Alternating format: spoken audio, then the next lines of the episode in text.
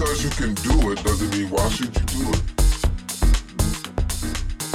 I don't know. Did you see the one about the guy that they can make uh, they can make synthetic human sperm? For what? For what? Why would you? Why do you even want to go there? Why do you even want to? try that?